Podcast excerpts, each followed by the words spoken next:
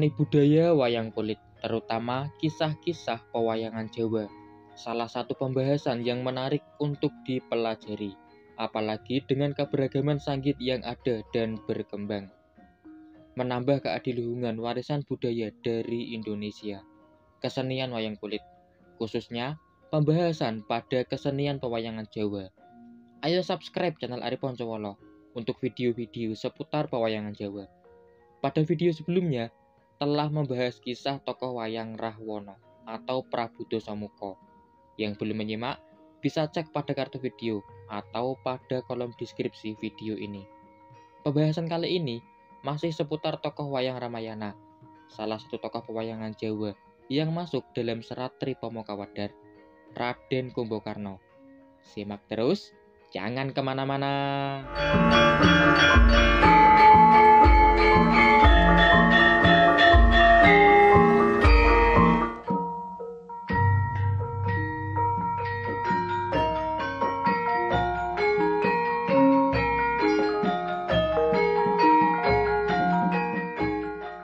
Raden Kumbokarno. Tentunya membaca atau mendengar nama ini akan tertuju pada tokoh dari Pakem Ramayana. Tokoh pewayangan yang digambarkan dengan wujud raksasa atau buto besar, namun dengan kepribadian yang luhur. Bahkan masuk dalam jajaran kesatria sejati yang tertulis dalam serat Tripomo Kawadar. Para kesatria yang setia mempertahankan tanah tumpah darahnya atau negara tempatnya mendapat kemuliaan. Para kesatria yang gugur dalam kesetiaan labuh negara dan bela negara. Mereka adalah Raden Sumantri, Raden Kumbokarno, dan Raden Karno Basuseno.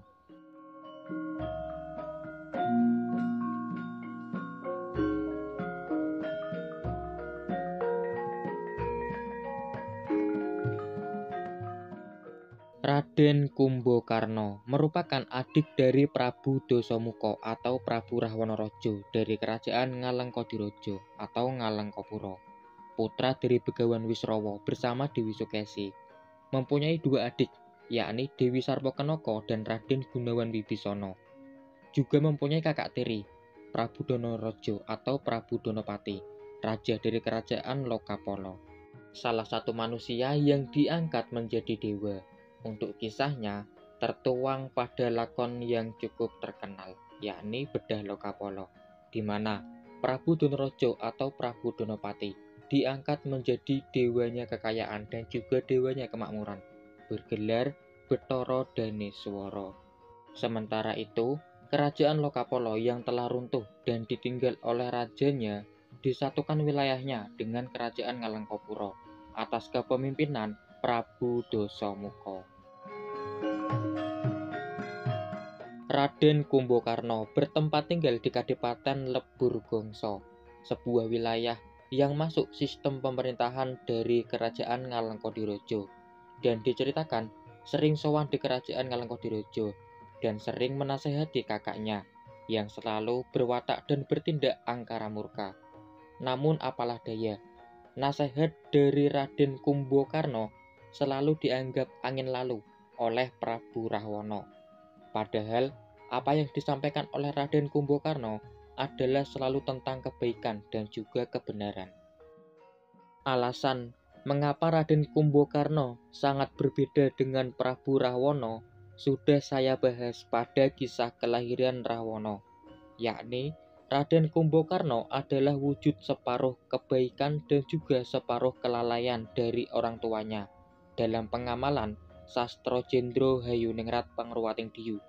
Jadi, walau berwujud raksasa atau buto besar, namun selalu menjunjung tinggi kebaikan, keadilan dan juga kebenaran. Seperti halnya sang adik, yakni Gunawan Wibisono. Namun bedanya, Gunawan Wibisono adalah wujud sempurna dari pengamalan Sastro Jendro Hayuningrat. Jadi, merupakan kesatria tampan dan juga rupawan dengan segala sifat luhurnya.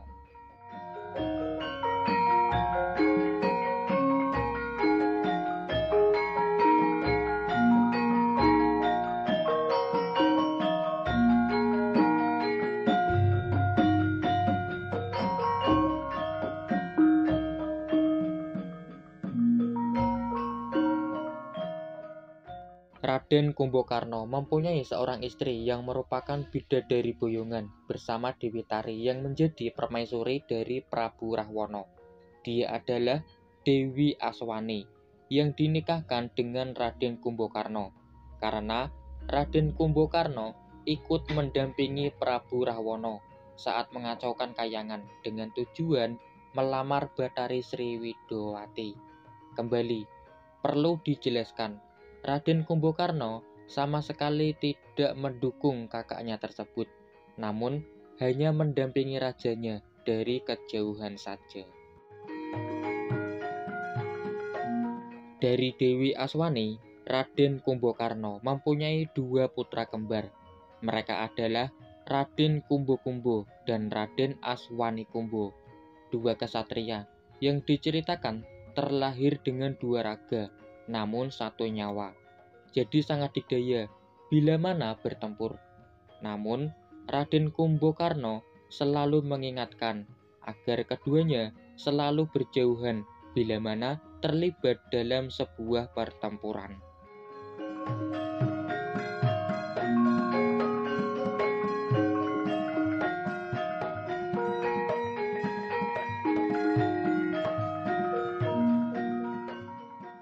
Raden Kumbokarno diceritakan pernah melakukan tapa berata guna mendapatkan anugerah dari dewa dengan bertapa tertidur selama enam bulan lamanya tanpa makan dan juga tanpa minum. Hasilnya adalah Raden Kumbokarno mendapatkan anugerah berupa keberanian yang berlebih bila mana bertindak dalam posisi kebenaran. Terbukti, Raden Kumbokarno tidak pernah merasa takut saat mengingatkan kakaknya yang keblinger akan tiap tingkah lakunya dalam bertindak. Selain itu, Raden Kumbokarno juga mendapatkan anugerah-anugerah lainnya, yakni berupa kesetiaan, kejujuran, dan juga pengabdian yang tidak terbatas kepada negaranya. Sifat-sifat yang dimiliki oleh kesatria sejati, bahkan dimiliki oleh Raden Kumbokarno yang berwujud raksasa atau buto besar.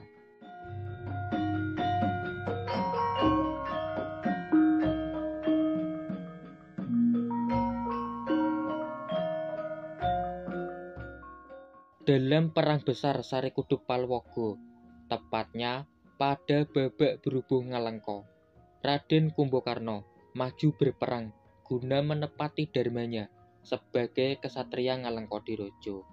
Maju berperang sebagai senopati kerajaan Ngalengkodirojo bersama kedua putra kembarnya, Raden Kumbo Kumbo dan juga Raden Aswani Kumbo. Dalam pertempuran tersebut, si kembar Kumbo Kumbo dan Aswani Kumbo gugur secara kumbo, yakni diadu kepalanya oleh Raden Ramandiopati atau Raden Anoman yang membuat murka dari Raden Kumbokarno, bahkan sempat mengobrak-abrik pasukan dari Poncowati dan menimbulkan banyak korban kera berguguran. Hal tersebut sempat diingatkan oleh Raden Gunawan Wibisono dan diminta untuk beralih pihak. Namun, Raden Kumbokarno tetap pada dharmanya, yakni sebagai senopati dari kerajaan Ngalengkodirojo dan tidak akan berpindah pihak sampai kapan pun juga. Bahkan bila harus gugur, biarlah Raden Kumbokarno gugur sebagai kusuma bangsa dalam mempertahankan tanah tumpah darahnya tempat kelahirannya, yakni Kerajaan Ngalengkodirojo.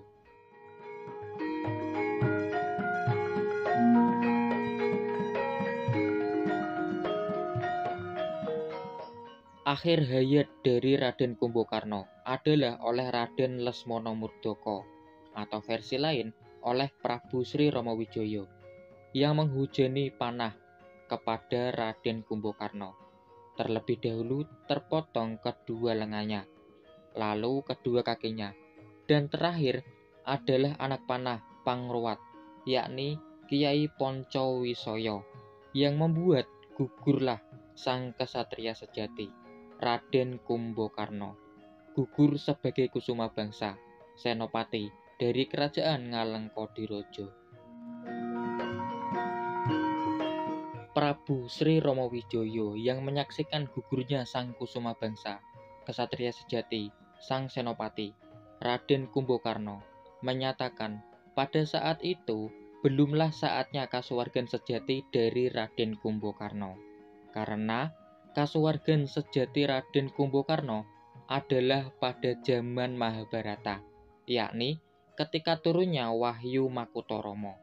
Raden Werkudara adalah jalan kasuwargan sejati dari Raden Kumbokarno.